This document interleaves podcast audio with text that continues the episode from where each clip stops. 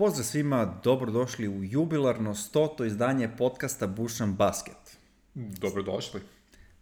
Nije me sačekao. Sa vama Marko Sajić i Luka Zlatić. Ko? Ko? Ja ne mogu, znači, toliko sam uzbuđen zbog ovog jubileja da jednostavno ne znam šta da radimo. Ove... Kako ne znaš, pa najavljamo drugu rundu. A, tako je. Potpuno, potpuno si u pravu. E, posle nevelike pauze nakon 99. epizode, evo nas i stoti put sa vama, čestike kolega na ovom velikom uspehu za našu malu ovaj, zajednicu. Apsolutno. Takođe. E, idemo na najavu većeg dela druge runde ili ti polufinala konferencija. Počnemo sa istoka gde sigurno slučaj već odigrala prva utakmica, ali mi ćemo se praviti da se nije odigrala prva utakmica. Pa u suštini smo tako i odradili, juče smo ovaj, e, napisali tako neke stvari e, ovaj, o, o, o ovoj utakmici, pa kao, ajde mi to da odradimo, pa ćemo da vidimo šta to, će u stvari da bude. Da kompenzujemo naknadnu pamet unapred. to, to. ovaj, za svaki ovaj, slučaj. S obzirom na zdravstveni bilten ostatka lige, e, vrlo je moguće da gledamo finale pre finala Mm. Uh, da ne pričamo da gledamo sudar najboljeg napada protiv naj, najbolje odbrane lige. Uh, pritom, cela liga gleda ovaj dvoboj, ono, jako pomno, jer ako se ispostavi da ofanzivni super tim jednostavno može da pregazi bilo koga, uh, ko će sprečiti ostatak lige ili ti ostatak većih ekipa u ligi, da krene da gradi ekipu na, na, na sličan način, da potpuno uh, obesmisle odbranu još više i da ono, bukvalno idu na koš više. Jasno. Pa ovaj duel Brooklyn i Milwaukee je u najmanju ruku finale pre finala kad je istok u pitanju, a realno pobednik ove serije može da bude favorit u velikom finalu, naročito po meni Nets i Milwaukee, ajde manje više. Ovaj, u onoj laganoj gentleman svi pobedi nad Bostonom, uh, i pored gomele primljenih pojena, Neci su uspeli da pokažu neke naznake da igraju dobro odbranu. Znači, nisu baš 100% ofenzivna ekipa kao što smo im stalno ovaj, zamerali. Uh, nije neki novitet, ni to su zorkali tri ultra ofenzivna igrača u jednom timu, ali je vrlo moguće da su najbolji ofenzivna trojka koju smo ikada gledali odjednom. A gledali smo relativno skoro Ray Allena, Paula Pirisa, Kevina Garneta koji su osvojili titulu u Bostonu. Da, uh, skoro pod navodnicima, ok. Pa pre 13 to, godina, da, da. to je skoro pre 10. uh, gledali smo dva puta super timove sa Lebronom, ovaj, Lebron, Wade, Bosch, uh, Lebron, Kyrie, Kevin Love. I naravno gledali smo legendarnu generaciju Warriorsa sa Stefan Clayem i KD-em koji je sada u Brooklynu. Da, ok, postavlja se pitanje uh, kao jedno od bitnijih, uh, da li Janis može da, da preskoči prepreku kao što su Neci sa uh, pa dosta unapređenim timom u odnosu na prošle sezone? Pa do, pitanje je da li Baxi mogu bolje nego prošle sezone sa ovim timom koji smo hvalili x puta da je unapređen tamo gde je trebalo da bude unapređen. Osim, naravno, pitanja da li Hvazini super tim može pregazi, evo recimo Baxi, jer ako pregaze Baxi, onda realno da. mogu da pregaze bilo koga. To, ta, upravo tako, kao što smo i rekli na početku. Uh, regularni deo sezone nam ne govori mnogo. Mm -hmm. Mislim, Baxi jesu pobedili dve od tri utakmice, ali u jednoj utakmici Neci nisu bili kompletni što se njihove velike trojke tiče. Uh, niti su Janis i KD čuvali jedan drugog nešto specijalno, samo u redkim trenucima kad se namestilo. Uh, gledali smo Blakea na Janisu, Deandrea na Janisu, Claxtona ponekad. Blake je nekako ostavljao uh, dosta prostora, prostora za šut, Janis je to koristio, s druge strane to je opet samo regularni deo sezone, Deandre mu je možda malo više smetao, stavljam navodnike, možda zbog dužine, ruku i tako dalje, ostaje da se vidi kako će sve to funkcionisati u play-offu. Jasno. Pa okej, okay, Klaksona ti pominješ onako kao jednog igrača koji je kriminalno malo koričen u regularnoj sezoni, ja se generalno slažem sa tobom. Uh, protiv ovo, ovo sezonskih, ovo, ovo play protivnika je baš malo korišćen, ali je imao par dobrih moneta protiv Janisa kad ga je čuvao tu regularnom delu sezone, što je okej. Okay. Sada će igrom slučajeva igrati po 15 minuta po utakmici i tih njegovih dobrih defensivnih 15 minuta može da bude dosta dobra stvar za Nece. A, što se Deandrija tiče, ja stvarno nećem više nikada on igrao poslednji put, mislim, 8. i 9. maja, bukvalno ono, kada je doveden e, Lamarcus e, popuno ispo iz rotacije, Lamarcus je završio karijeru, a opet Deandre ne igra, više igra Blake Griffin. U ovoj poslednjoj je, je bio korišćen kad su igrali Baxi i, i, i ovaj bre Neci. Neci. Da, posle povlačenja Lamarcusa, naravno. Da, 8. 9. maj, u svakom slučaju. E, što se Blake-a tiče, njegov fizički rast je vrlo interesantan, čovjek nije skočio dve godine u Detroitu, a u Necima je počeo da zakucava, od tada je digo i formu i uigrao se, mislim, igrao ozbiljnije i postoje vrlo bitan šraf ove ekipe, tako da Blake Griffin je onako prijatno iznenađenje i vrlo bitan čovek u ovoj seriji. Da. Naočito kad znamo da Jeff Green neće igrati. Jasno ovaj... Jeff Green je, je ovaj, o, osakaćen, jel? Mm -hmm. ovaj, sa druge strane, Middleton nikako nije imao sreće sa čuvanjem Kevina Durenta i KD je radio šta je hteo.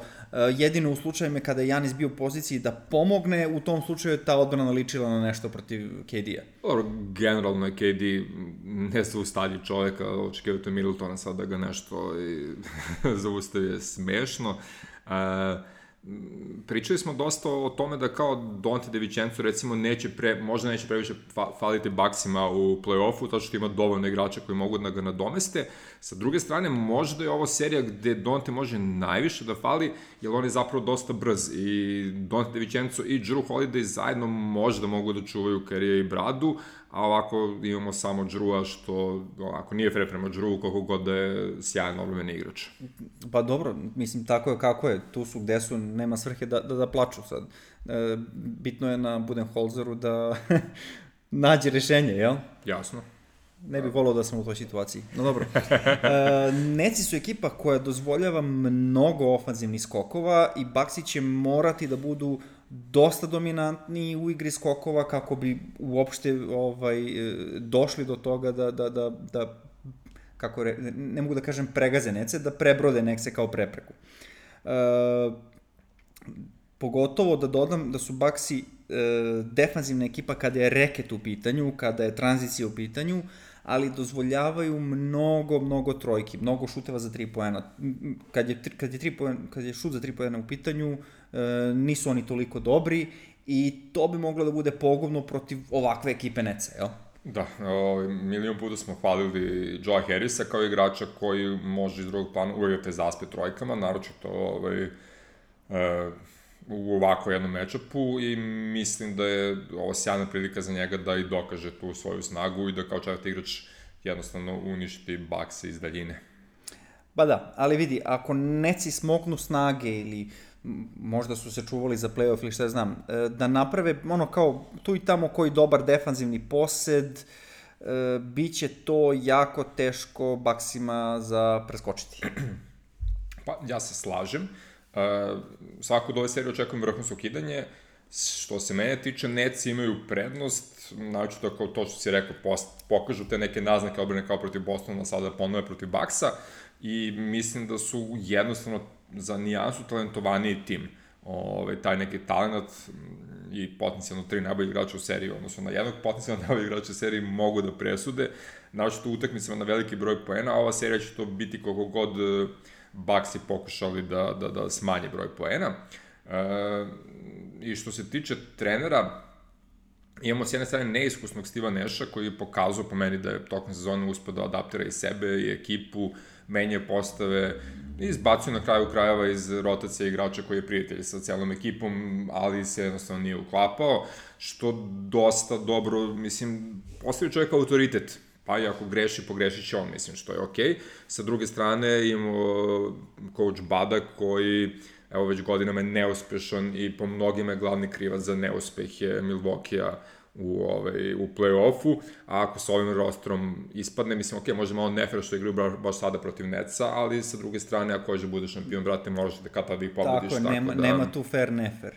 Što se Neša tiče, uh, znali smo mi da on neće imati problem sa autoritetom, samo je bilo upitno njegovo trenersko znanje. Da. Uh, što se Budenholzera tiče, svi već znamo kako nam je mišljenje njemu i, prilično mi jasno da je on najveće sidro ove ekipe, bar kad je playoff u pitanju. Uh, ali u svakom slučaju potpuno navijački dajem prednost Baksima, znamo kakvu ljubav gajim prema odbrani i uvek ću davati prednost odbrani, ako dođemo do toga da odbrana više ne postoji, ja ne znam šta ću da radim.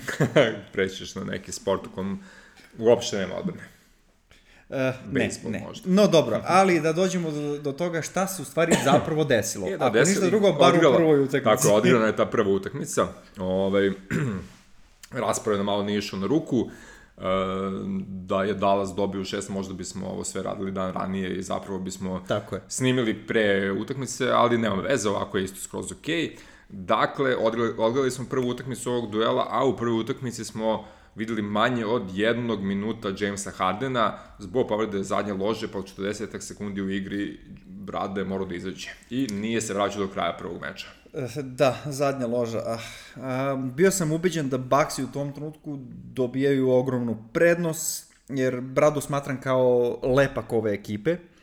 E, možda ekipa nije njegova, možda nije najbolji igrač ove ekipe, to možemo da pričamo o tome do preko sutra, ali mi deluje da je e, ekipa Neca bez njega samo neki e, skup kvalitetnih pojedinaca, da, da, da, da je on ta glavna karika ili ti taj lepak, kao što sam rekao, koji drži sve to zajedno da to funkcioniše besprekorno. Naravno to ove sezone kada za divno čudo čovek ne igra izolaciju sam protiv svih i ne trudi se poslednje 50 pojena, nego bukvalno ono razigrava sve moguće sa igračem, nebitno ko je na parketu pored njega, bukvalno ono igra najbolju sezonu u karijeri, najzreliju i šteta što je mora izađe ovako rano, nadam se da će uspiti da se vrati. No, da se vratimo na parket, uh, Baksi su zapravo uspevali da drže korak sa necima, znači nisu se odvojili, nego su jedva kaskali za njima. Najveći problem je bio očan šut koji su imali, ovaj, Neci su to lepo iskoristili, a u drugom polovremenu kada sam očekivao opet da će Neci da padnu, a Baksi da se ovaj, dodatno zagraju krenu da šutiraju, nastavilo se možda čak i još gore. Uh, ono malo dobre odbrane na, na Janicu što je mogao da se odigra, odigrao je Blake Griffin i po meni on možda i bio ključni igrač jer je odigrao neverovatno vintage partiju, imao 18 pojena i 14 skokova. To je inače prvi njegov playoff double-double još od 2016. godine. Pa, pet godina A si ljudi ga otpisali. otpisali, nema noge, ne može da Dobro, skoči. već na startu smo videli uh, ono čega smo se plašili, ili bar ja. Uh, jedan ruki trener, Steve Nash, bukvalno drži čas košarke Budenholzeru. Ja sam to bar tako video. Uh, ili se maestralno adaptirao na, na, na gubitak Hardena u prvom minutu, ili je već imao u planu da na početku izvuče jednog od ove trojice kako bi osigurao minute svoj trojici u završnici, znaš u svakom slučaju, lakše su se neci adaptirali na, na gubitak Hardena nego Baxi. Što je veliki minus, jel? Da, vidi, cijele sezone su oni igrali sa dvojicom od trojice. Mislim, možda su čak u igraniji kad igraju sa bilo kojim parom, parom nego sa, sa velikom trojkom, ali sa druge strane kriminalno je za Milwaukee da, ono, kad ove igraju sa dva od tri igrača, ti ne igraš bolje, ne igraš sve gori i gori kako u utakmica odmiče, tako da, evo, ne znam šta bih rekao. Ove, e, pohvalio sam malo pre Blacka Griffina, pohvalio ću i Majka Jamesa, Ovaj, ti si ga možda hvalio kad smo pričali pre neki dan, ono kao, eto, nije čega se pojavio, mislim, pri, prilagodio kao evropski košarkaš ovaj, na NBA. Uh, odigrao je 30 utakmica, bukvalno kao startni back kada nema brade i imao je 12 pojene i 7 skokova, što je super. Uh, što se Baksa i njihovog šuta tiče, Janis je vraćao loptu dosta često za otvorene šuteve i to su ono bili dobri šutevi, ali su oni uporno promašivali. Cijela ekipa, računajući tu Janisa, šutirala trojke 20%, Middleton je imao 13 poena, 0,5 za trojku, Drew 17 poena, 2 od 7 za trojke, bili su očeni sa linijom, su imali bacanja nešto ispod 60%, 55, 6, tako nešto, mada je bilo malo bacanja, 20-ak tipa za, za bakse, 10-ak za, za nece, što je doprino da neci sredinu treće četvrtine krenuo da dižu prednost i sa 10 poena su došli na 20 poena prednosti sredinu četvrte četvrtine. Da, i onda su Baxi morali da jure, jel? A to nikako nije pomoglo sa tim ovaj, Očenim lošim, šutem, pa da. lošim šutinskim večerim, da. Uh, delovalo da su Neci uradili ono što bi svako sa, mislim, i ole znanja i, i, i ovaj, košarkaško znanja, jel? Ajde ti mali džigljavi da nas dobiješ, taktika. Jasno. Uh, delovalo je, kaže, delovalo je da, da, da je Blake eh, igrao dobru odbranu na Janisu, ali Janis je odradio svoje. Janis je bio jako efikasan. Uh, ono što sam ja video je da nikako nisu dozvolili Middletonu da uđe u ritam i da im je to bila neka uh, glavna defanzivna taktika i sve ostalo im je bilo podnošljivo što se na kraju ispostavilo. Sad, ok, ajte, Drew nije iskočio, njega ni nije neko nešto specijalno čuvao, ali eto, loše šutersko veče, niko nije imun na to, pa čak ni Baxi. Um, već sam spomenuo da Baxi ne brane trojke najbolje, tako da, ono, neci su tu imali više nego, nego odrešene ruke, ali ležerno ponašanje u, u, kada braniš tranziciju je nedopustivo kad, kad cijele sezone te krasi ono, odbrana u tranziciji, odbrana u reketu. Um, Blake jeste pogađao trojke, ali Blake je ulazio pod koš. Ne smeš to da dozvoliš kada igraš protiv Neca. Možeš da dozvoliš KD-u da ima 50%, kao što ima 48%, nije bitno. Možda Takiri nije bio toliko loš, ako ništa drugo, ovaj, ono, kao zapričavao ga je. Zna. Ali ne smeš da dozvoliš da, da ti, da ti ovaj, support igrači iz Neca ulaze u reket i daju koševi iz tranzicije. Kraj priče. Mislim, čak i sa lošim šuterskim večerom, večerom, uh, Ukusna večerica. Da. Znači, imali su loše šutersko veče, ali da je odbrana bila na mestu, pitanje je kakav bi rezultat. Bilo bi drugačije, definitivno. Ove, Budenholzer sad mora da uradi ono što ti voliš da vidiš kod trenera, a dešava se redko, a to je da se adaptira na ono što se desilo u prvoj utakmici i da vidimo šta će biti sa Bradom i to je to. Ovde smo došli u situaciju da u poslednje dva minuta Neš bukvalno izbaci treću, treću petorku na parket ovaj, i to su Bucks iskoristili da dođu na minus 8, 115, 107, ali je realno poraz bio ubedljiviji, što je nedopustivo. Uh, I Janis apsolutno nije bio kriva za to. Znači, čovjek je dao 34 poena, pokušavao da razigrava sa igrače, sve je bilo okay, uh, osim možda Brolo, ako je ga je pratio, nađete u prvom polovremenu sa 19 poena, sve ostalo je bilo loše. Sa druge strane, Neci nisu nešto divljali, imali su 37,5% za trojke, što je standardno, ali su imali Blakea, imali su Michael Jamesa, imali su jako dobrog Joe Harrisa koji je dodao 19 poena, mm, Kyrie i KD nisu imali previše sumore, završili su sa 25 i sa 29 poena, što je, da kažemo, neki prosek zapravo za njih dvojicu. Ovaj, mada su se ispucavali u smislu, ajde za dvojke, KD kao što rekao bio još i precizan, ali za trojke su bili loše obojica, naravno da Kyrie koji šutirao 3 od 11 recimo. Da, eto, spomenuo si Brolova, potpuno sam zaboravio njega da pohvalim. E, on je jedini u suštini dopreno u tom prvom polovremenu da, da Baxi ostanu koliko toliko u priključku. Uh, što se trenera tiče, za razliku od Neša, Budenholzer se lepo držao svoje rotacije iz regularnog dela sezone, uh, samo se adaptirao na to što nema Dante Di Vincenza i nastavio da radi ono što radi, najbolje, jel? Tako je. Uh, I da me ubiješ, ne, ne znam zašto je pokušao da se igra na koš više igre protiv Neca, to mi ne ide u glavu nikako. Znaš, gledam oni start utakmice kao svi trče, znaš, čekaj, polako, spori igru. Ne razumem, znaš, ne znam, ne znam šta se, šta ja se desilo. Kažem. Možda, možda ja stvarno ne znam. Ja i ne primam milione za, za taj posao, ali mi ne ide u glavu ako hoćeš, hoćeš protiv Neca da igraš na koš više. Ne, ne, ja, ja moram da podržim tvoj argument ovaj, u mislim da ni jedna ekipa u ligi ne može da igra sa necima na koš više i na 120 plus poena, a Bucks su to pokušali ove večeri. Ako probaju Malki se prilagodi igru više sebi, možda urade nešto. U suprotnom, eh, bog naš šta će biti. U svakom slučaju, eh, Brade odmah posle utakmice imao ovaj, magnetnu rezonansu.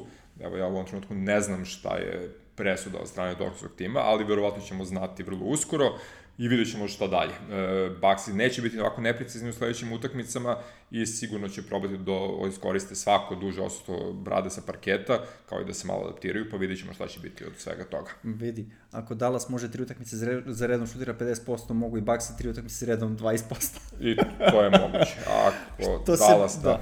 Što se brade tiče, uh, koliko god da je ozbiljna i neozbiljna povreda, da zadnja loža za takvog igrača uvek problem, pa čak i ako je najmanja moguća povredica ikad.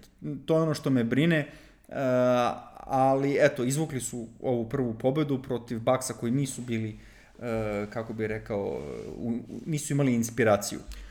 Uh, Baksi samo treba da zategnu odbranu kao što sam i rekao i neće im biti problem ni loše šutersko veče. Poželeo bih možda i bolju rotaciju za playoff, ali verovatno previše traži. Vidjet ćemo. U svakom slučaju, Brady je ovo druga povreda na istom mestu ove sezone, što da, isto... Da, to je ono što, što ga je mučilo cijela sezona. Što isto nije dobar znak, tako da vidjet ćemo. No dobro, ovaj, Brady sreće sa oporavkom, nama dosta dobrih utakmica među dve ekipe, a sada idemo na Uh, drugi par istoka, Philadelphia, Atlanta.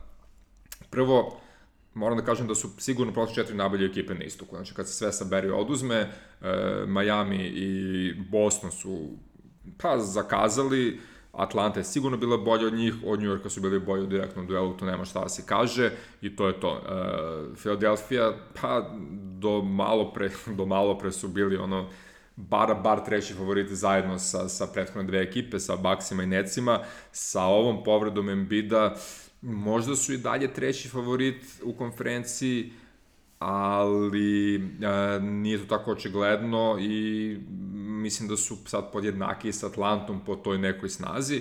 U svakom slučaju, za njih je, imajući vidu s kim igraju, sve osim prolaska dalje neuspeh, čak i bez Embida. Pa čak i bez Embida, e, nažalost opet dolazimo do e, činjenice trener, mislim da je Nate McMillan ipak bolji trener što je pokazao do sad i svi znamo da ne, ne gajim neku ljubav prema Riversu, ali D'Antoni kao ofazivni koordinator može tu da pomogne. Dosta nezgodan duel za, za, za predvideti e, ako Embiid ne bude igrao.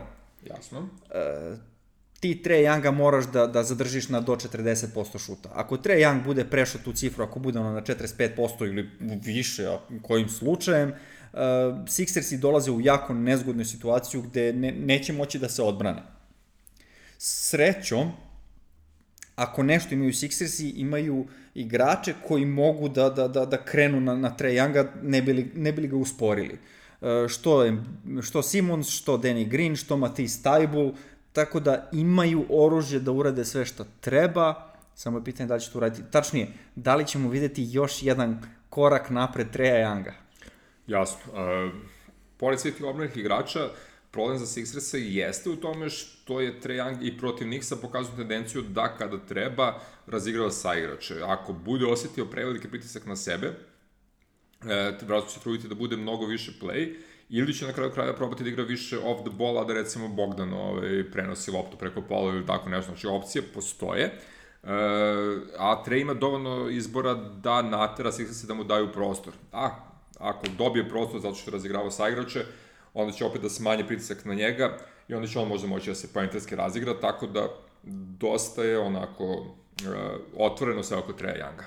Da, morao bi da se složim, e, prilično teško će biti da oni ugase Treja Younga skroz, ali da ga uspore dovoljno za pobedu, to je više nego moguće, bar bi trebalo da bude i onda se opet vraćamo na onih do 40% šuta. Ako ga nateraju da šutira ono neefikasno, to, je, to, to im je recept faktički za, za laganu pobedu.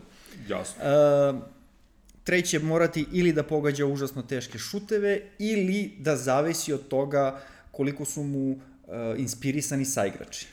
Vidi, svaki superstar se oslanja na saigrač, Jordan je tu radio s mnogo uspeha u najtežim trenucima za Bullse i ne vidim zašto Trey ne bi naučio nešto od toga. Uh, Ove, ima saigrača koji su dobri i pod košem, Kapela može da koš, Collins može da koš gde god hoćeš, uh, ima Galoa, ima Bogija, mislim, ima opcije, bit će to ok, ali opet Sixers su ekipa koja igra dobro odbranu. Da, da, mislim jedna od boljih odbranbenih ekipa svakako, bez Embida možda ne toliko, ali opet i dalje i dalje je to sasvim ok. Ako se kojim slučajem i desi da, da ugase Trae Younga skroz, uh, Biće ovo jako kratka serija, čak i bez Embida. Jasno. Ove, pohvalio bih i pick and roll, inače koji Trey igra možda jedan od boljih pick and roll igrača u ligi. Uh, vidjet ćemo, naravno, postoji jedan, da kažemo, nešto što do sada nismo videli, ti si spominjao i Matisa Tajbula i Bena Simonsa kao potencijalni igrača čuvaju Treja Younga. Mislim da u regularnoj sezoni to skoro uopšte nismo videli, pošto su imali druge zadatke, čuvali su druge igrače, ali ta neka rotacija i pokušaj da njih dvojica dodatno ovaj, napadnu Treja Younga mogu da budu nešto novo i nešto zanimljivo. Da, vidi, i Simons i Matis možda nisu brzi kao Trae Young, ali su dovoljno dugački da to nadomeste. Jesu, jesu. Uh, da dodam još da nismo videli Nikse da imaju bilo kakvu akciju gde bi gazili Trae Younga. Baš u prošlom, prošlom podcastu smo to pričali o tome. Nadam se da Filadelfija neće ići njihovim stopama. Uh, tačnije, čekaj. Nadam se da hoće, pošto navijam za Jastrebove, jel? Jastrebe, kako li se već kaže, a, ali bih se totalno razočarao u ljude koji razočaravaju, totalno bih se razočarao u ljude koji zarađuju milione, e, da, da, Da ne nemaju tako neku nešto, takvu da. akciju. Na. Slažem se. Ove, vidiš, nismo to rekli u, u prošloj, ovaj, u prošlom podcastu kad smo pričali o Nixima, Zapravo je veliki problem Nixa bio to što su cijelu playoff seriju protiv Atlante igrali uh, reaktivno. Znači, Atlanta je od početka preuzela vodstvo nad, nad, nad igrom i to skoro čak i utakmice koju su izgubili, nekako nisu puštali tu inicijativu da im izmakne iz ruku. Ove, Sixersi su ekipa koja neće dozvoliti da Atlanta sve vreme ima inicijativu u svojim rukama i to je opet nešto novo za Atlantu u ovom play-offu. Prvi put će igrati protiv takve ekipe u play-offu u svojoj karijeri i vidjet ćemo kako će se i on i njegovi saigrači prilagoditi tome. Ovaj, Sa druge strane, naravno, bez Embida nije ni e, Philadelphia bez problema. Ok, očekujemo svi da Tobi bude najbolji igrač, ali ako on jedini igrač koji zna da postigne koš, šta sprečava Atlantu da igraju na njemu kao su igrali na Randlu i na isti način pokušaju da ono ga teraju da se više zamara, da ima više teških šuteva i tako dalje i tako dalje. E, Šta ako Ben Simmons bude igrao sa dve leve ruke m, ili dve desne, ne znam šta je to kod njega loše, u stvari ne zna ni on, tako da nije ni bitno.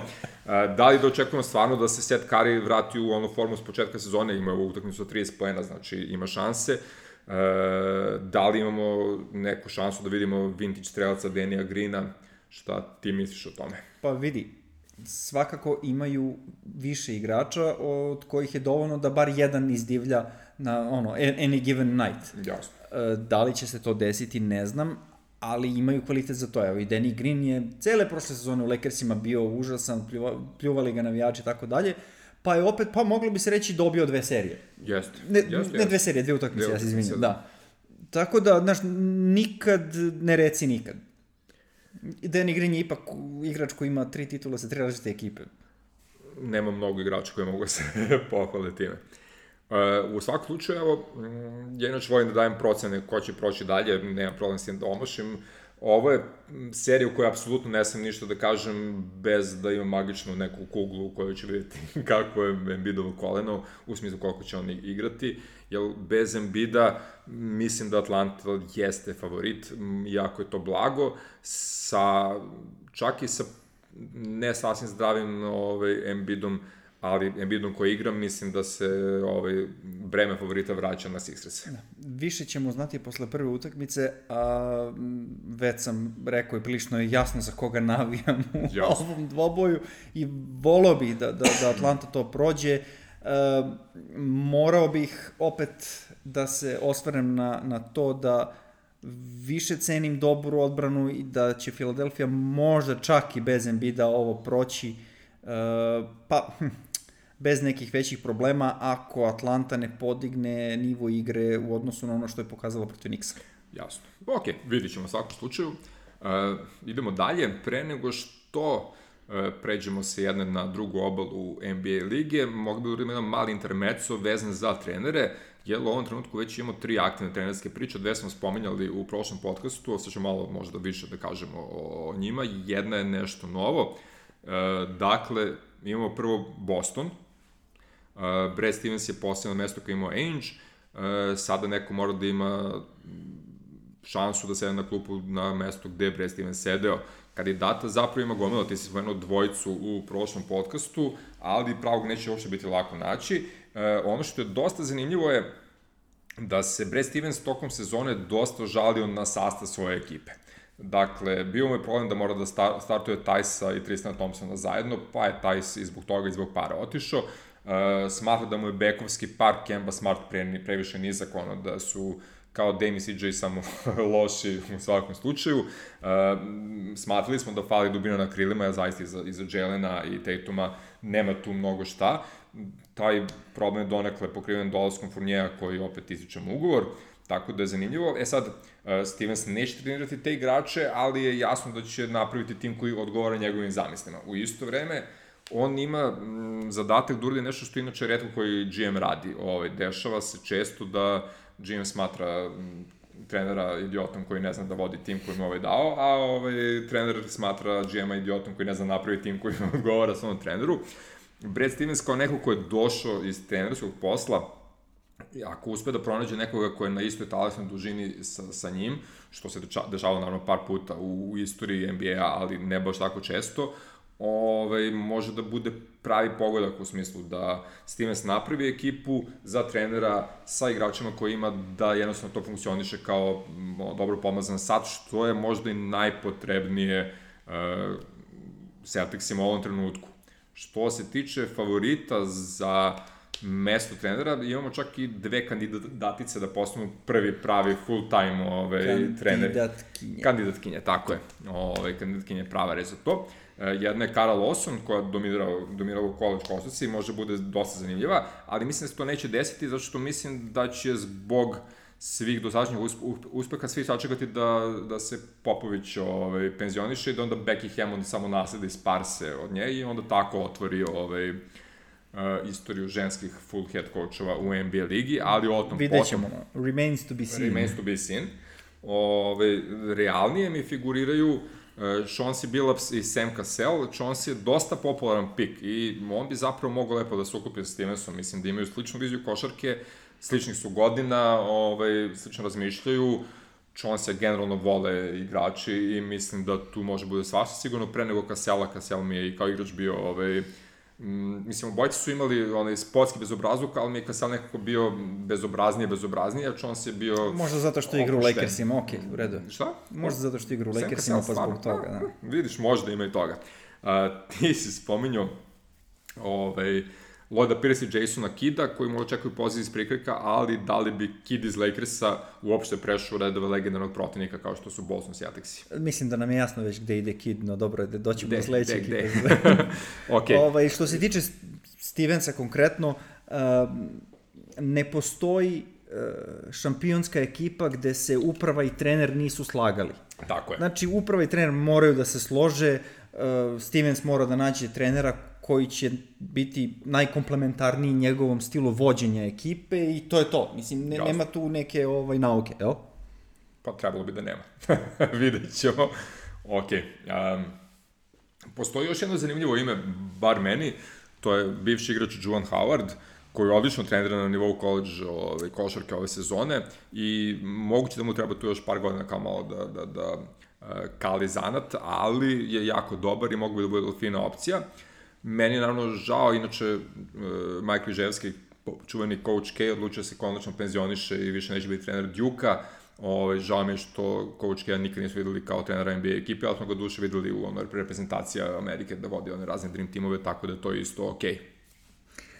Um, spomenuo si Chonsija, um, volim Chonsija kao opciju, ali mi se Juan Howard baš sviđa. Uh, pošto sam neko ko pamti njega i kao igrača još iz 90-ih i tako dalje, čovek koji je, pa, kako bih rekao, Uh, više igrao uh, tako što ima tako više igrao glavom imao taj basketball IQ nego što imao fizičke predispozicije. I to je uvek dobra stavka to se uvek posle pretvori u dobrog trenera. Kao što recimo predviđam da će Draymond Green možda biti čak odličan trener jednog dana. Nije nemoguće. No dobro. Uh, pitanje je samo koji je od, eto recimo, ajde, ja sam izabrao tu dvojicu Chauncey, što si ti rekao, i Joana Howarda, koji je bolji za, za roadmap koji zamisli Brad Stevens u svojoj glavi? Definitivno. Ali u svakom slučaju bit će to jedna zanimljiva priča ovaj, u menju sezoni. Uh, da jedna... dođemo i do Jasona Kidd sada. Da. Jednako zanimljiva priča je naravno Portland. Već smo rekli u prošlom ovaj, podcastu, Terry Stotts je podneo ostavku na mesto trenera Portlanda posle 9 godina. Uh,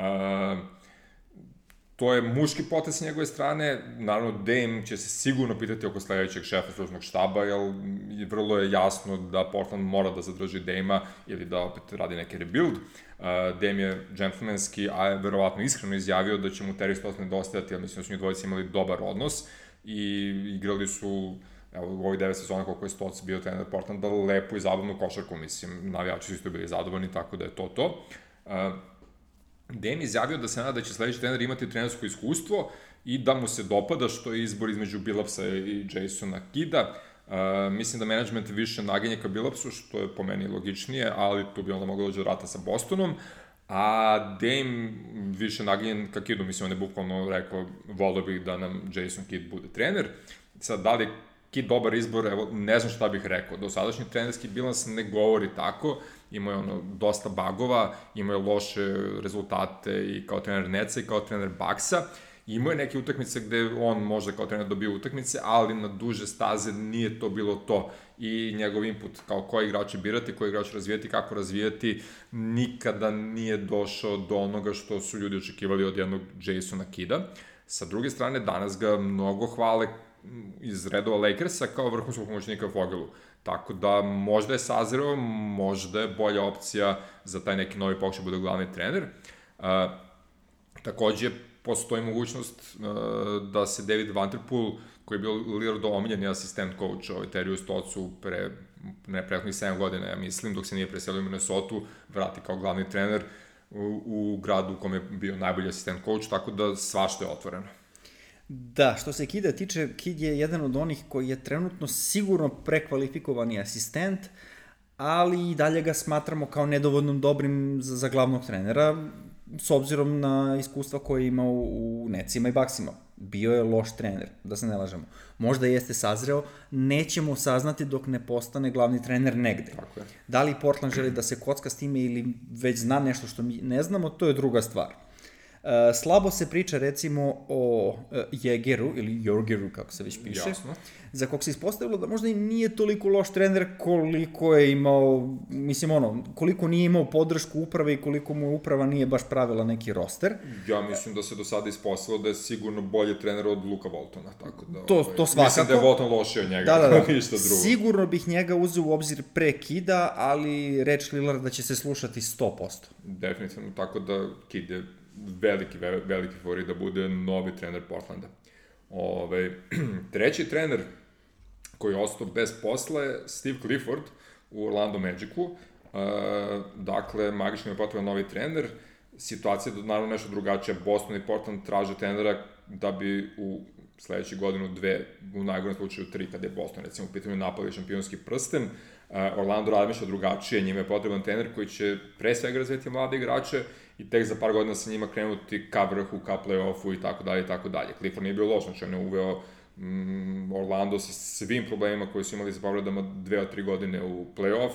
Ove, razvio igrače, Isaac kad god je igrao je bio sve bolji i bolji, Markele Fultz dok se nije povredio ove sezone napredovao u beskraj, odnosno na prethodnih par godina. Znači, Clifford nije igrač koji nema da razvija igrače, ali je e, trener koji nema da razvija igrače, ali je trener koji mrze da gubi, Ove, I moguće da je malo zbog tog mentaliteta i zbog želje da se sa novim timom krene novi trener od početka zapravo došao do ove promene. Takođe, predsednik košarkaških operacija Orlanda, Jeff Veltman je nakon trade deadline kad su ono poslali i Vučevića i Godona i Furnija iz ekipe, rekao ovim trade-ovima smo podigli plafon ekipi, ali smo ispustili pod ekipe. I upravo je bitno da ne dotaknu pod, već da priđu što bliže plafonu i zato je potreban igrač koji će njihove talentovne igrače pravilno razvijati. Uh, evo, ne znam da li možda Clifford sad odjednom postao kandidat i za Boston i za Portland. Um, najbitnija stavka je da Brad Stevens u suštini sad već ima da bira. Tako je. I verovatno će na e, intervjuima da odluči šta će da radi. Mogao bi da, da bude i Clifford. Dobra stvar kod Clifforda je što je uh, kako bih rekao, lepo preuzeo onaj defanzivni mindset koji je Vogel ostavio u Orlandu. Uh, tako da, mislim, taj deo mi se konkretno sviđa. Već sam napomenuo posle dva podcasta koliko volim odbranu. Uh, a što se Orlanda tiče, upravo malo pre pomenu, Terry Stott se pominje kao moguća zamena. I zašto da Što ne? u suštini uopšte nije loša ideja, pošto, mislim, Terry Stotts je jednostavno dostigao najviše što je mogao sa ovom ekipom Portlanda, ono, sporazumno su se rastali i to je to. Ovde ima opciju da krene opet od nule, mislim, od skoro nule, da razvija mlade igrače, pogotovo recimo igrača kao što je Jonathan Isaac, koji nikako da se vrati na parket, a očekujemo mnogo od njega. Tako je. Ove, do kraja play-offa ćemo verovatno imati još neke trenere koji, čiji je posao ove, u opasnosti, da li je to možda Vogel, da li je to možda Lou Clippersima koji ispadnu od Dallasa, da li je Mike Malone konačno u problemu ako je ispadnu od Phoenix Sunsa. Ah, da se osvrnem kratko na, na Vogela i Lua, Vogel ne bi smeo da bude u problemu nikako, ako su iole pametni u organizaciji u Los Angelesu, u ovim žuto-ljubičastim, zlatnim, Da. Uh, ne bi smeo nikako da bude u problemu. Uh, Tyron Lue je u problemu sa samim sobom svakako, tako, znaš, Jadan, da. Znaš, ono, nije, nije toliko bitno. Mislim, ako Clippersi ispadnu, mislim da nema leka Tyrone Lue, mislim da moraju da ga menjaju. To je jasno, mislim, to je jasno i ako prođu dalje. Ali nema veze, Da, o tom potom. recimo. Uh, Malone jeste u problemu, ali ne onako kako misliš da zvuči. Uh, mislim da povreda Jamala, Vila Bartona i PG Doziera osigurava posao Michael Maloneu da je u fazonu kao pa eto, imao si, bio si u problemima pa si dogurao i toliko sa tom ekipom, Tako znaš. je, tako je. Bio si u pravu kad nisi davo Jokiću i MPJ-u da igraju, pošto evo vidi kako sad igraju dobro, obojica i tako dalje. tako Znaš ti dalje. kako Da, to da, ide, da. to samo mi vidimo. E, naime, problem u kojem se Michael Malone nalazi. Još jedno ime kruži ligom kao potencijalno ime za novog glavnog trenera u neke ekipe. A to je Wes Unseld, mm -hmm. ili ti uh, defensive minded assistant coach uh, Michael Malona koji ga drži pod kontrolom da ne napravi neko veće sranje.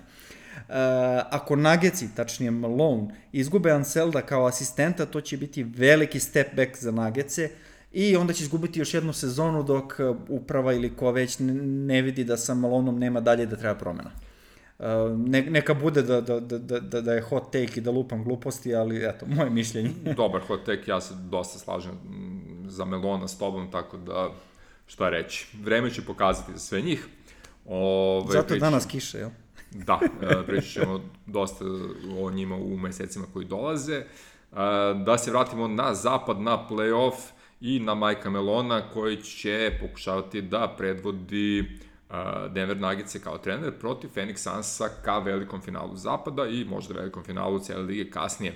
Ove, Phoenix Denver Uh, sve tri utakmice u regularnom delu su odigrane dosta rano, mislim u prvih mesec ili pet nedelja recimo regularnog dela sezone. I to nema mnogo veze sa, sa timovima koji se igraju danas. Zapravo, Sanci su već tada igravali ovu istu postavu koju danas imaju, njima je lakše. Denver je tada imao ovaj, Jamala Mareja koji je bio zdrav, imao je MPJ-a koji se tek vraćao posle COVID-a, znači nije bio u formi. Aaron Gordon je još uvijek bio na Floridi, nije bio ovaj, ni u zamislima, verovatno, trenera. Austin Rivers se pojavio tek sada kao ovaj, čovjek kog ne možemo da uigramo, a zapravo ne možemo sad bez njega i tako dalje i tako dalje. Tako da, sve je drugačije. Da, možda sam već rekao, ali žao mi je što moram da navijam protiv Sansa. Zasluženo su prošli u drugu rundu, zasluženo su izbacili aktuelne šampione i sada im na, na Megdan dolaze nageci za koje u suštini, kad pogledaš, niko ne zna šta da očekuje. Kao otpisani su jer nema Džamala, ali su i dalje tvrdorah, očigledno. Evo, mislim, um, nikad osakaćeniji, a nikad lakše nisu prošli Portland, recimo. Recimo, pa okej, okay. uh, Tvrdorah kad imaš MVP-a regularnog dela sezone i čovjeka koji igra do sad najozbiljniji u play-offu, Nikoli Jokića, to je super. MPJ je imao par loših utakmica protiv Portlanda, ali generalno igra odlično i mislim da se polako on privikava na play-off košarku. Uh, tako da cool. Uh, Faku i Rivers daju svoj maksimum i ne može ništa da im se prigovori, ali im i dalje fali jedan bek u rotaciji. E sad, dobre vesti stižu ovaj, od fizioterapeutskog tima Denvera. Will Barton mi mogu da se vrati već u prvoj utakmici ove serije. E, moguće sa smanjenom, mislim, sigurno sa nekom smanjenom etažom, ali to je to. Znači, umesto dva igrača koji su visoki, ono, do 1,90 m, a to, to je Austin Rivers, ovaj, uh, dobit ćeš jednog Vila Bartona koji je visok, ono, 6-6, što mu dođe 2 metra, recimo. Da, imaš tu i trećeg, onog Markusa koji isto nizak. da, nebitno. Ovaj, uz njega Denver je mnogo jači i viši. E, postoje šanse i dozijer da se vrati u toku serije, što bi još dodatno ojačalo Denver. Tako da, eto, ako se niko od postojećih igrača ne bude povređivao, moguće da će Denver biti sve jači i jači kako serija bude odmicala. Da, e, najveća snaga Sansa je njihov e, mid-range shoot, e, koji dolazi dosta do izražaja u play-offu, očigledno, malo pre sam rekao, mid-range shoot je loš samo ako ga ne pogađaš. Tako je. To je specijalnost Chris Paula, e, pa Booker ne zaostaje mnogo, odličan je šuter. Um, vidjet ćemo kako će to ići, pošto, mislim, opet idu na ekipu koja ima izrazito jak backcourt tandem. Upravo dolaze iz prve runde gde su pobedili izrazito jak backcourt tandem. Uh, sa druge strane, Sansima su skokovi velika boljka, pogotovo skokovi u napadu, što smo već govorili par podcasta ove sezone, dok uh, Denver sabija u, u tom segmentu. Jasno. Iako, iako imaju centra koji u suštini, naš, ono, nije uh, atleta, jel? Ali čovek jednostavno radi svoj posao, plus ima jednog uh, Michael Porter Jr. koji je izrazito visok za svoju poziciju, koji krska skokove kako, kako hoće.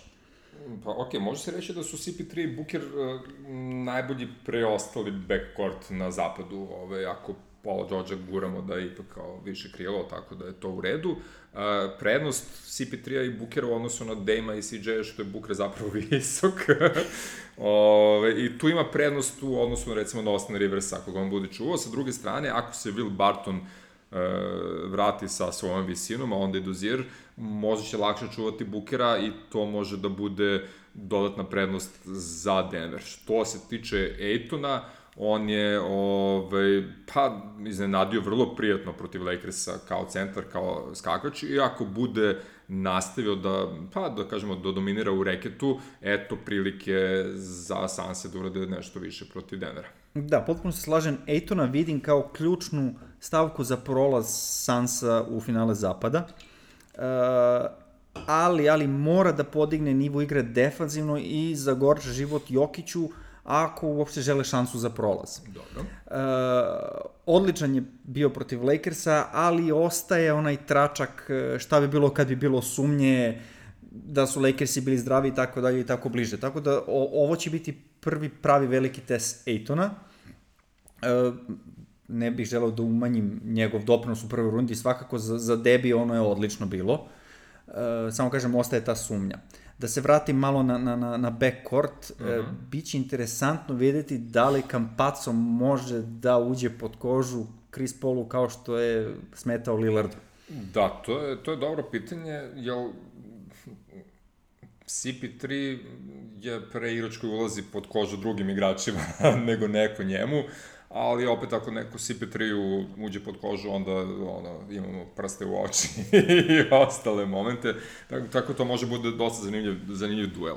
Ovo, što se Ejtona tiče, gledao sam juče zapravo razmišljajući o ome par nekih situacija iz tih regularnih utakmica, regularne sezone, Uh, I uh, Ejton ima dobre, dobre sekvence protiv Jokića, u smislu izbacivo ga iz reketa, Jokić je baš teško kada su u reketu 1-1 uspeo da prođe Ejtona mnogo teže nego većinu drugih centara i mora je da izlazi napolje da igra ono mid-range i trojke. E sad, ako Jokića krenu trojke ili mid-range shoot, to je tek pakao što Ejton u životu ne može da stigne da ga sačuva, tako će to morate da budu neka preuzimanja, a onda se neki drugi igrač oslobađa, Jokić, hvala Bogu, ima pregled igre kao redko ko i to je to. Znači, ako Jokara bude igrao dobro, malo dalje od koša, mislim da je to njegova velika prenos u odnosu na Ejtona, a sa druge strane, ako budu igrali u reketu, tu mi se čini da Ejton može da ima prednost.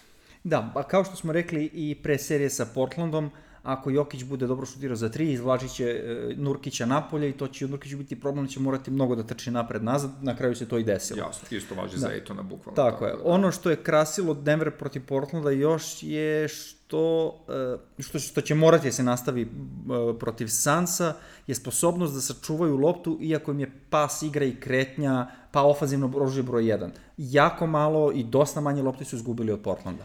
Dobro, to, to, to je možda deo igre gde Marej najviše ovaj, fali kao pravi drugi play za Jokića i on ume da bude jako ofenzivan da gubi loptu, ali ume da spusti loptu na parket ozbiljno. A Will Barton takođe, ok, on nije baš neki veličanstveni ball handler, ali i on ume da odigra nešto ipak sa loptom u rukama, tako da i tu neki njegov povrtak može da donese blagu prednost eh, Denveru u odnosu na prošlu, prošlu rundu. Da. Ok, prilično jasno ko je u Denveru napadačka opcija broj 2. Mislim, to mora da bude neiskusni Michael Porter Jr., pa kao, ajde, mali ti u vatru, pa ono, nekad pobednik, nekad ne. Jel? Tako je. Uh, ali bez obzira na to, Nagecima će trebati podrška bar još jednog igrača od ostatka ekipe. Sad, oni imaju tu sreću da to može da bude bilo ko pored Jokića, može uvek da se desi. Da, sad, da li će to biti Osne Rivers, da li će to biti Monte Morris, koga smo videli u nekom novom svetlu u poslednjih par utakmica, e, da li će to biti Campazzo, ipak igra protiv Krisa Pola, znači Chris Paul nije visok, opet Kampac tu može da dođe do izražaja. Da li će to biti Aaron Gordon, koji opet nije nemoguće? Da li će to biti Millsap, koji za 10-15 minuta može da napravi haos?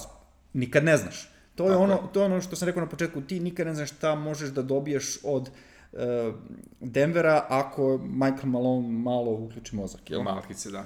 Ja svakako očekujem najviše od Monte Morisa u ovom trenutku. Ove, pokazuje da može i da hoće da povuče kada treba da se povuče i mislim da mu odgovara taj moment kada uđe sa klupe igra protiv malo rezervnije postave protivnika da, da, da može da im presudi. Uh, realno bilo vreme da Aaron Gordon ima bar jednu šuterski jaku utakmicu od kako je došao u ovaj, Denver, ali sam ja siguran da njega Mike Malone sputava i da ga tera da igra odbranu mnogo više nego da šutira i da je možda tu deo problema. Ove, evo, jubilani 17. put ću da spomenuti povratak Vila Bartona u ovoj seriji.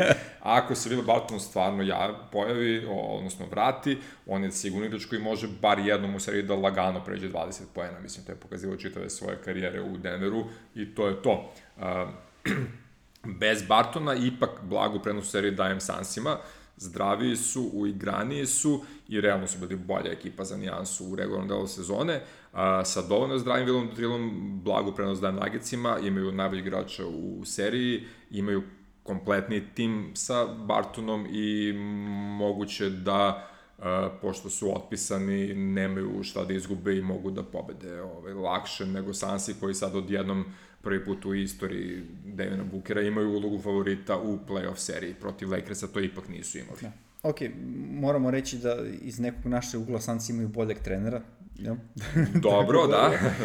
Ili bar ovi imaju da. lošijeg. Da. A, ali, e, opet bih napomenuo nešto što možda je malo pretencijozno, s obzirom da dolazi sa naše strane, ali e, s obzirom šta smo sve videli, e, da li možemo da sumnjamo da, da Jokić može da podigne igru, igru na još jedan stepenik iznad?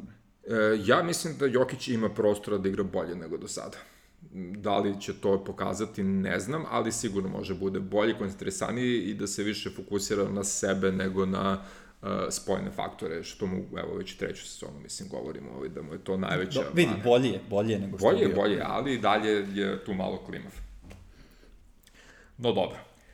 O, šta? Moj, kako? Pa ne znam da li te pustim da radiš ovaj solo ili... Ne, ne, idemo, idemo Makice i Jutu. Dakle, ne znamo ko će igrati ovaj, protiv Jutu Jazza u drugom polufinalu Zapada ali znamo to mogu bude ili Clippers ili Dallas. Ajde. Ajde. Ove, je dakle imala najbolji skoro regularno delu sezone, uprko s povredama Conlija i Mitchella. Zlobnici će reći da je to bilo splet okolnosti, ali pravi poznavaci košarke znaju da je to što su oni sjajna ekipa. E, postigli su najviše trojke u regularnoj sezoni, bili su top 5 u procetu šuta kad su trojke u pitanju, iako opet po nekim poznavacima košarke nemaju nijednog šutera. Ove, Rudy Gober je dipoj, igraju timski organizovano. E, ključ play-offa je kao što je bilo u prvoj ovaj, seriji zdravlje Spajde Donovana Mitchella, koji se vraća u formu posle povrede, vrlo lepo igra protiv Memfisa, e, čak još nije dostigao onaj sudi nivo koji ima u Babu prošle godine, ali me ne bi čudilo da ga dostigne već u drugoj rundi i da ga možda i prestigne do kraja do igravanja. Uh, problem je opet povreda zadnje lože Majka Conleya, to je sad opet slično kao James Harden. Ok, za njega su rekli da je ovo najblaža moguća povreda, ali to je isto zadnja loža za jednog starijeg igrača i sigurno će ga hronično mući do kraja play-offa, znači to je drugoj rundi. O, ja stvarno mislim, sad bez onog pretrednog preuveličavanja, da Utah može da pobedi bilo koga u play-off seriji od sedam ovaj, utakmica, ali mislim da nije izrediti favorit protiv svakoga. Protiv Clippersa mi recimo nisu favorit, protiv Dallasa možda i jesu. U svakom slučaju, kogod da pobedi u ovom duelu između Clippersa i Dallasa, neće biti lako. S jedne strane Kawhi Leonard, sa druge strane Luka Dončić, Sa, druge, sa treće strane, ako Utah želi da osvoji titulu kao i Milwaukee ili Brooklyn, ti možeš, brate, pobediš koga god hoćeš, no svakako mislim da je lakše igrati protiv Dallasa. Um, što se tiče nekih prognoza, ja ću dati kratke prognozice ko tu može da pobedi koga i zašto. Protiv Clippersa, uh, Clippers imaju nekoliko prenosa u odnosu na Jazz, umeju da igraju dobru odbranu, za razliku od Dallasa koji ima par igrača koji igraju dobru odbranu, e, i oni su možda ekipa koja može da uspori ili zaustavi Mičela. E sad, to smo pričali za Dončića pa se nije desilo, ali mislim da je ipak lakše zaustaviti Spajdu nego Dončića. Uh, naočito, ako Conley ne igra, i onda ne moraju da, i njega da zaustavljaju. Ove, onda će Mitchell morati mnogo više igra, igra playa. Uh, Clippersi su ekipa koja voli da proziva protivnike, da se verbalno ovaj, obračunava sa njima, nadmeće i tako to. Rudy Gobert je par puta pokazao da ume da bude osjetljiv na tu vrstu pritiska i da može da onda popusti u odbrani. Sa druge strane, nije baš da Clippers imaju centra koji može da iskoristi to propuštenje odbrani, ali nikad se ne zna. Uh, Paul George može da igne nivo svoje igre sigurno, već ima par dobrih utakmica uh, protiv Dallasa, ne vidim razlog zašto ne bi nastavio diže da formu, odnosno da stiče sigurnost u sebe u play-offu i pored njegovih play-off P, ove, prozirke i tako to. Ukoliko Paul George bude igrao na nivou na kom je recimo Kawhi, to može da bude dosta opasno za bilo koju ekipu i to je ono zbog čega ti recimo smatraš da su Clippersi bili favorit broj 1 za titul ove sezone. Ja se svakako slažem da su Clippersi na papiru najtalentovanija ekipa, ali eto, mnogi stvari tu ne funkcionišu. Ove, Goberovu prenos, recimo da sam već rekao, on ono, ako se ne iznervira, niti ima ko njega da čuva, znači može da gomilu pana iz reketa, niti mora nekoga da čuva ovaj, od centara posebno, znači može da zatvara ulaze i tako dalje i tako dalje, što je dobra prednost. I mislim da pa protiv Dallasa nekako izgleda bukvalno kao da su Kawhi i Paul George jedina dva igrača koji znaju da daju koša za Clippers-e, i Reggie Jackson im je eto pomogao par puta, ukoliko se nastavi tako, to uopšte nije dobro. Uh, Utah, čak i sa ono Royceom O'Neillom i Joe Inglesom koji ne daju puno pana, nekako ima više napadačih opcija, naročito ako se Bojan Bogdanović razigra, ako Jordan Clarkson bude divljao ovaj, sa, sa klupe radi ono što Lou Williams radio u Clippersima godinama unazad i tako dalje i tako dalje. E, najbitnija stvar u potencijalnoj seriji Utah Clippersa bilo bi zdravlje i Bake i Conlija bitnije je zdravlje Majka Conleya ipak po meni i treba znači dosta gledati u njegovu zadnju ložu. Ako on bude zdrav, Utah mi je favorit i protiv Clippersa, ako bude bolestan i Baka bude zdrav, ovaj, onda je sigurno, mislim, ako ništa, i Baka će on izvlačiti napolje Gobera i provocirati ga i možda uradi nešto. Što se Dallasa tiče, ovaj, tvoje omiljene ekipe u ovom play-offu, Oni ne igraju toliko dobro obranu, ali imaju nezaustavljivog Dončića koji će verovatno i protiv Juta raditi šta hoće. Mislim, ne vidim da neko Juti može posebno da ga zaustavi. Uh, ali mislim da to nešto na što je Juta spremna i što će pustiti da se događa koliko treba i bit će mnogo bitnije da zaustave dva sledeća igrača u Dallasu, a to su Porzingis koji inače ne igra baš dobro i to ne mislim da protiv Clippersa ne igra dobro zato što ga oni nešto posebno dobro čuvaju, nego jednostavno nije mi nešto u formi izgleda loše, što opet možda se pre i počne da igra mnogo bolje, ali pre verujem da će PG-13 da se razigra nego Porzingis u ovom trenutku.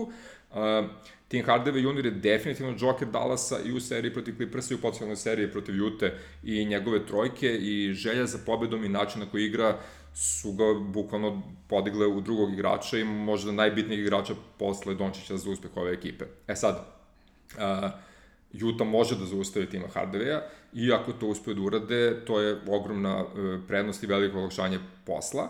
Uh, ti imaš omiljenog igrača Dorina Finney Smitha i tu je i Josh Richardson kao neka dva igrača koji pa ja mislim da su njih dvojice jedini koji su defanzivno pozitivni po ratingu ovaj, u ovoj ekipi Dallasa i oni će morati da nastave da vuku ono, najveći deo posla u odbrani. Uh, ukoliko oni to rade, onda opet ne mogu toliko da se cimaju u napadu, jednostavno ne igraju tako, što opet e, dovodi do iste priče kao i protiv Clippersa. Utah ima više napadačkih opcija i lakše može da izmrati stvari ono, ekipu koja igra odbranu sa dva igrača nego ekipu koja igra odbranu sa cijelim timom i to je opet prednost za džezere. dakle, ako Kristaps ostane gde jeste i Hadri se zustavi, Utah je apsolutni favorit, Uh, i bukvalno neće morati rade ništa više u napadu nego protiv Memphisa, ono što su radili da bi dobili seriju a sa druge strane, ako oni podivljuju, svašta može da se desi. Po meni, Utah favorit Dallas lakše protiv nego Clippersi i bolja šansa da se stigne u finale zapada.